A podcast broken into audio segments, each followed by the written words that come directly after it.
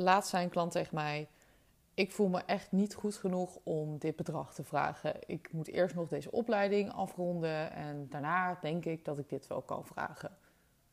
Nou, dit is echt een typisch voorbeeld van het welbekende imposter syndroom. En ik weet dat heel veel mensen hier last van hebben.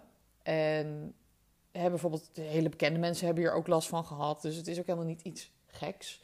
Um, en Michelle Obama heeft bijvoorbeeld ook ooit uitgesproken dat ze daar last van had. Dus je weet eigenlijk wel dat je iets kan, maar toch heb je het gevoel dat je maar wat doet of dat iemand doorheeft dat je eigenlijk niet goed genoeg bent. Of dat iemand uiteindelijk zegt dat je toch niet goed genoeg bent. En dat je het gevoel hebt van, nou, ik doe eigenlijk maar wat. Nou, ik kan je vertellen, ik heb er ook nog wel eens last van. Ik heb, ik heb het vaker gehad en dan komt weer een stemmetje die dan zegt: Ja, maar wat ben je nou eigenlijk allemaal aan het doen? Um, nou, in deze aflevering wil ik het eigenlijk over hebben hoe je daar vanaf komt, of hoe je daar grotendeels vanaf komt. Want ik weet niet of je daar 100% van afkomt, maar je kan wel jezelf aanleren om op het moment dat je dat voelt, op het moment dat je die gedachten krijgt, dat je daar anders mee omgaat. Waardoor je dus ja, sterker in je schoenen komt te staan en het gewoon veel makkelijker gaat. Dan dat je jezelf continu aan het afwijzen bent. En ik denk dat het beste voorbeeld hiervoor is, is toch weer eh, je, je kind opzoeken. Ehm, want op het moment dat jij leert fietsen, hè, dus jij bent, uh, hoe, hoe, oud ben je eigenlijk als je leert fietsen? Dat weet ik eigenlijk helemaal niet. ik kan me dat niet meer herinneren dat ik leerde fietsen. Maar op het moment dat je leert fietsen, dan kan je dat ook niet in één keer. Ik bedoel, je gaat eerst met zijwieltjes en eerst met je vader of moeder of wie dan ook die ernaast staat. Ga je oefenen en dan heb je houvast nodig. En hoe meer je oefent, hoe beter je wordt. En dan op een gegeven moment kan je fietsen zonder zijwieltjes. Nou, ben je helemaal blij? Je kan zonder zijwieltjes fietsen. En dan stop je. De meeste mensen stoppen dan. Kijk, er zijn mensen die uiteindelijk dus uh, officieel uh, wereldkampioen fietsen worden of een wielrenner worden. Maar de meeste van ons doen dat niet. Dus die vinden het niet meer interessant genoeg om dat elke dag drie uur te gaan doen. Um, nou ja, weet je, dan heb je dat geleerd en dan is het dus gewoon een skill die je hebt. En ik denk dat dat heel goed is om over na te denken van alles wat we kunnen, dat hebben we gedaan door eerst te oefenen. dus door, de enige manier is om het te doen en om te oefenen. En je kan ook niet verwachten dat het meteen goed gaat. Want hè, er zijn heel veel mensen die dan verwachten dat iets meteen goed gaat. En anders stoppen ze ermee. Maar dat slaat eigenlijk helemaal nergens op. Want dan hoef je ook niet ergens aan te beginnen om überhaupt iets te leren. Want hè, je wil dat het meteen goed gaat. Maar als je dat nou eens loslaat, dus als je loslaat dat je het niet meteen goed hoeft te doen. Dat je dus mag vallen. En dat je dus eerst zijwieltjes nodig hebt. Dat je eerst iemand nodig hebt die jou daarbij helpt. En dat je ook dat mag accepteren dat dat oké is en dat je dus een leerling bent en blijft en dat je daar ook voor open staat. Ik denk dat dat heel erg gaat helpen in het stuk van hè, overal maar heel erg goed in moeten zijn. Want het is gewoon een skill die je zou moeten aanleren en daarvoor moet je moeite doen. En daarvoor moet je dus oefenen voordat je die skill kunt. Je kunt dus beter worden. Dat is gewoon mogelijk. Um, en dat zorgt er mij ook voor dat ik zoiets heb van: oké, ik zie mijn bedrijf als een soort klad. Misschien herken je het wel dat je iets bent gaan ontwikkelen of een nieuw aanbod hebt en dat je het gevoel hebt dat het helemaal tot in de puntjes uitgewerkt moet zijn. Je moet het ook bij 20.000 mensen testen. Het moet helemaal perfect zijn. Iedereen moet het geweldig vinden voordat je het ergens live zet. Nou, en ik denk dus dat dat niet hoeft. En dat is ook het stukje van het imposter syndroom wat je tegenhoudt, omdat jij het gevoel hebt dat je jezelf moet bewijzen. En je moet dus ook mensen overtuigen dat je goed bent. Dus je moet in je content en overal moet je maar blijven overtuigen dat je heel erg goed bent. Um, maar je hoeft niemand te overtuigen. je bent gewoon je bedrijf, je bent een business. Waarom zou je iemand moeten overtuigen? Want jij staat er gewoon achter. En uiteindelijk verkoop je jouw dienst. Je verkoopt een oplossing en niet alleen maar jezelf. Juist helemaal niet jezelf. Je verkoopt de oplossing. Dus als je daar afstand van neemt. Oké, ik verkoop de oplossing, ik verkoop niet mezelf. Dan wordt het al veel makkelijker, want dan is niet meer die angst dat je afgewezen wordt of de angst dat iemand het niet goed vindt. En daardoor maakt het jezelf veel makkelijker door iets als een klad te zien. Ik heb een heel simpel aanbod. Ik heb een half jaar of een jaar coaching en ik heb een één op één VIP-dag. Maar daar verandert af en toe nog genoeg in. Dat ik ineens denk: oh ja, maar ik wil nog een nieuwe tracker voor mijn klanten hebben, want daardoor kunnen ze zich kunnen ze beter omschrijven wat er allemaal gebeurt, waardoor ik betere coachcalls kan geven omdat ik voorbereid ben, ben op wat er allemaal gebeurd is. Nou, dan denk ik ook niet, oh, maar dan ben ik slecht, want dit had ik al aan het begin moeten hebben. Nee, dit helpt alleen maar om mijn klanten beter te helpen. Dus het is ook maar net wat jij uitdraagt naar buiten toe. En dat het dan niet helemaal af is, dat weet alleen jij. Dat weet de mensen die dat kopen, die weten dat niet. Die denken, oké, nou, dit heb ik nodig, mooi, ik heb de oplossing. En het is ook niet zo dat op het moment dat je... Stel, je hebt een, een traject gemaakt van drie maanden en jij denkt, oh, maar ik wil eigenlijk ook nog dit en dit erin doen. En ja, moet ik dan niet zeven sessies doen in plaats van vijf?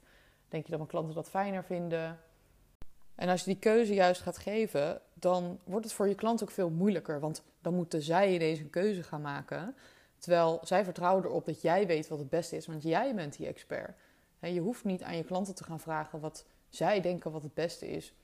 En dat is niet hetzelfde als kijken naar wat heeft je klant nodig, want elke klant is anders. Maar als het goed is, weet jij wat ze nodig hebben. En dat er dan tijdens bijvoorbeeld de samenwerking die je hebt wat anders uitkomt. Of dat ze toch zeggen, nou, ik zou het fijn vinden om uh, dit iets meer te hebben. Of hè, dat we wat meer sessies zouden hebben. Dan is dat goede feedback. En is dat ook feedback die je aan mag nemen. En dat is eigenlijk meteen het volgende punt wat je gaat helpen om hier overheen te komen. Is dat je niet van iedereen maar kritiek en feedback aan hoeft te nemen. Je hoeft het alleen maar aan te nemen van hè, klanten die waardevol voor je zijn. Of bijvoorbeeld mensen waar je tegenop kijkt. Dan maakt het jezelf zoveel makkelijker. Want we zitten op heel verschillende vlakken, hebben we andere kennis. En op het moment dat ik bijvoorbeeld kritiek ga aannemen of feedback ga aannemen van iemand die totaal niet in mijn vakgebied zit, dan verwar ik mezelf daar alleen maar mee door dat heel zwaar te gaan wegen. Dus ik kijk altijd naar, oké, wie is het? Wat hebben ze zelf bereikt in dit vakgebied? Want ik zeg natuurlijk niet dat omdat iemand daar dan geen expert in is, dat het maar dom is wat ze zeggen. Want waarschijnlijk op een ander vlak weten zij weer heel veel. En zo kan je natuurlijk leren van elkaar. Uh, dus kijk heel erg naar, oké, wie is het? Uh, wat weten ze zelf hierover?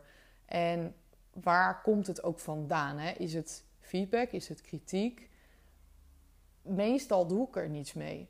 Omdat dat alleen maar zorgt voor verwarring en je dan ook weer gaat twijfelen aan jezelf.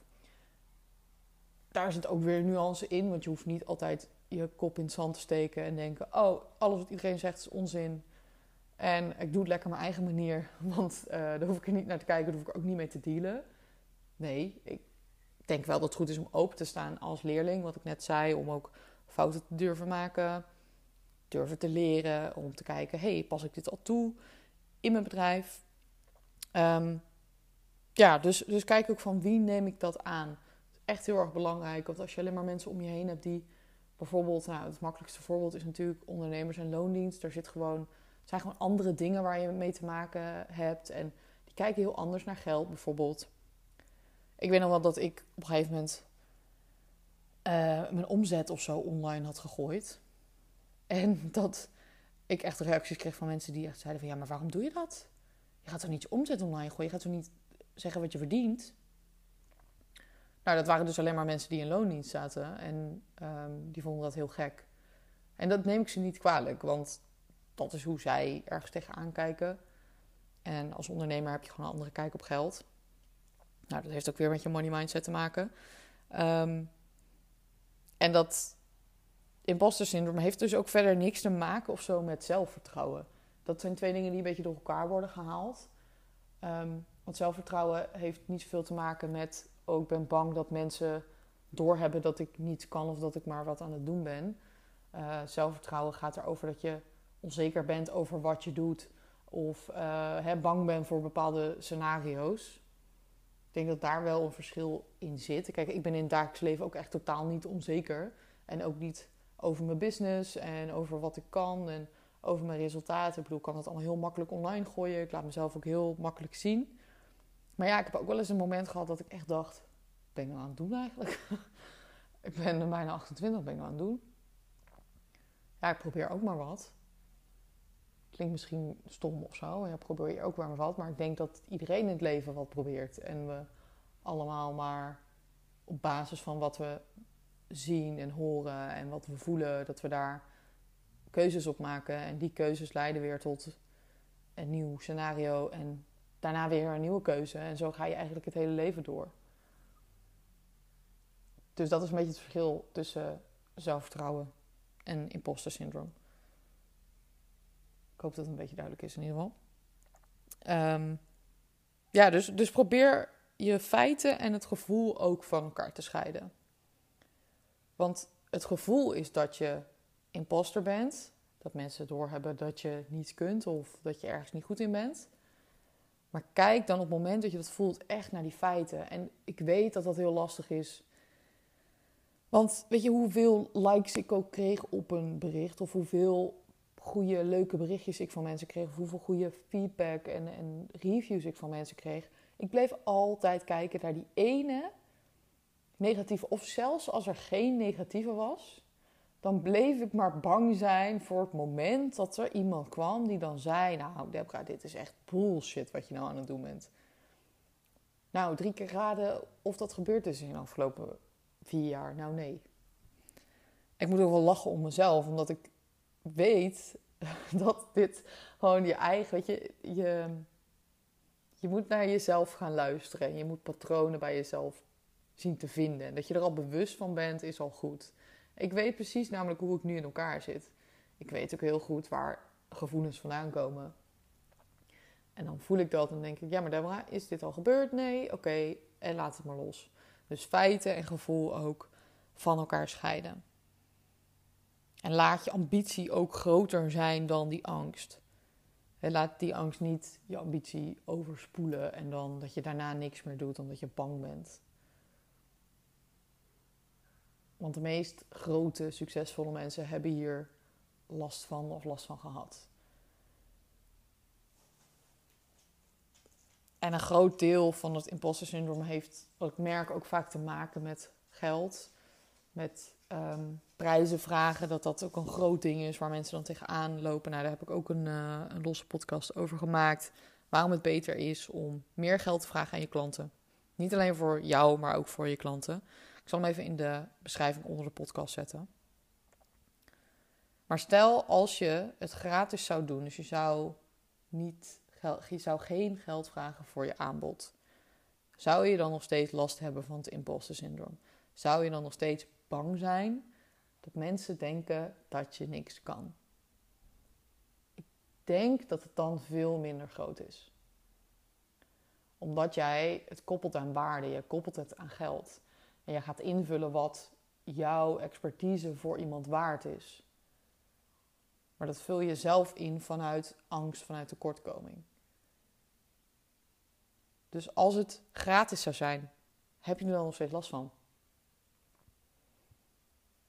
Ik niet in ieder geval. Dus dan weet ik dat dat echt iets is van een money mindset.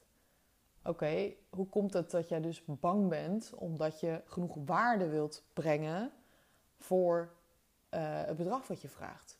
En dat zie je ook heel vaak. Op het moment dat je je prijs verhoogt, dan ga je nog meer tijd erin stoppen. Omdat je denkt dat tijd en geld hetzelfde is. Hè? Tijd moet gelijk zijn aan het bedrag wat je vraagt. Maar daar gaat het niet om. Het gaat om wat biedt je jouw klant. Hè? Dus weer, je verkoopt jezelf niet, je verkoopt je tijd niet, je verkoopt de oplossing. Je verkoopt de transformatie. Dat is dus heel belangrijk.